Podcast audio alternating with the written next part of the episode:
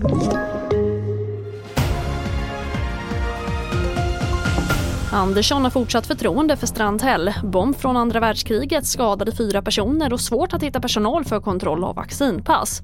Ja, här är TV4 Nyheter om vi börjar med att statsminister Magdalena Andersson säger idag att hon har fortsatt förtroende för nya klimat och miljöministern Annika Strandhäll efter TV4 Nyheternas avslöjande om att ministern sedan 2018 haft nio skulder hos Kronofogden. Det handlar om bland annat obetalda räkningar för bredband och veterinärbesök och granskningen visar också att Strandhäll redan 2013 2013 fick en betalningsanmärkning på 16 000 kronor trots att hon i nyheterna igår sa att hon aldrig haft anmärkningar. Och mer kring det här kan du se på tv4.se. Och fyra personer skadades efter att en bomb från andra världskriget exploderat i München i södra Tyskland. Bomben exploderade när det borrades vid ett byggprojekt nära en bro i staden.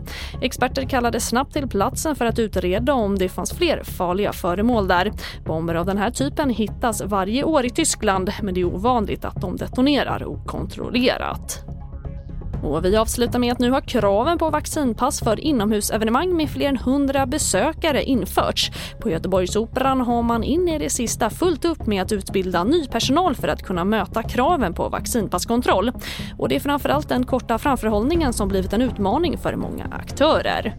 För oss är utmaningen att få in personer nu som kan sköta det här med den här extra slussningen som vi har för att kolla vaccinationsbevis och identitetshandlingar. Så det är vår utmaning just nu, det är att få in den personalen på kort tid.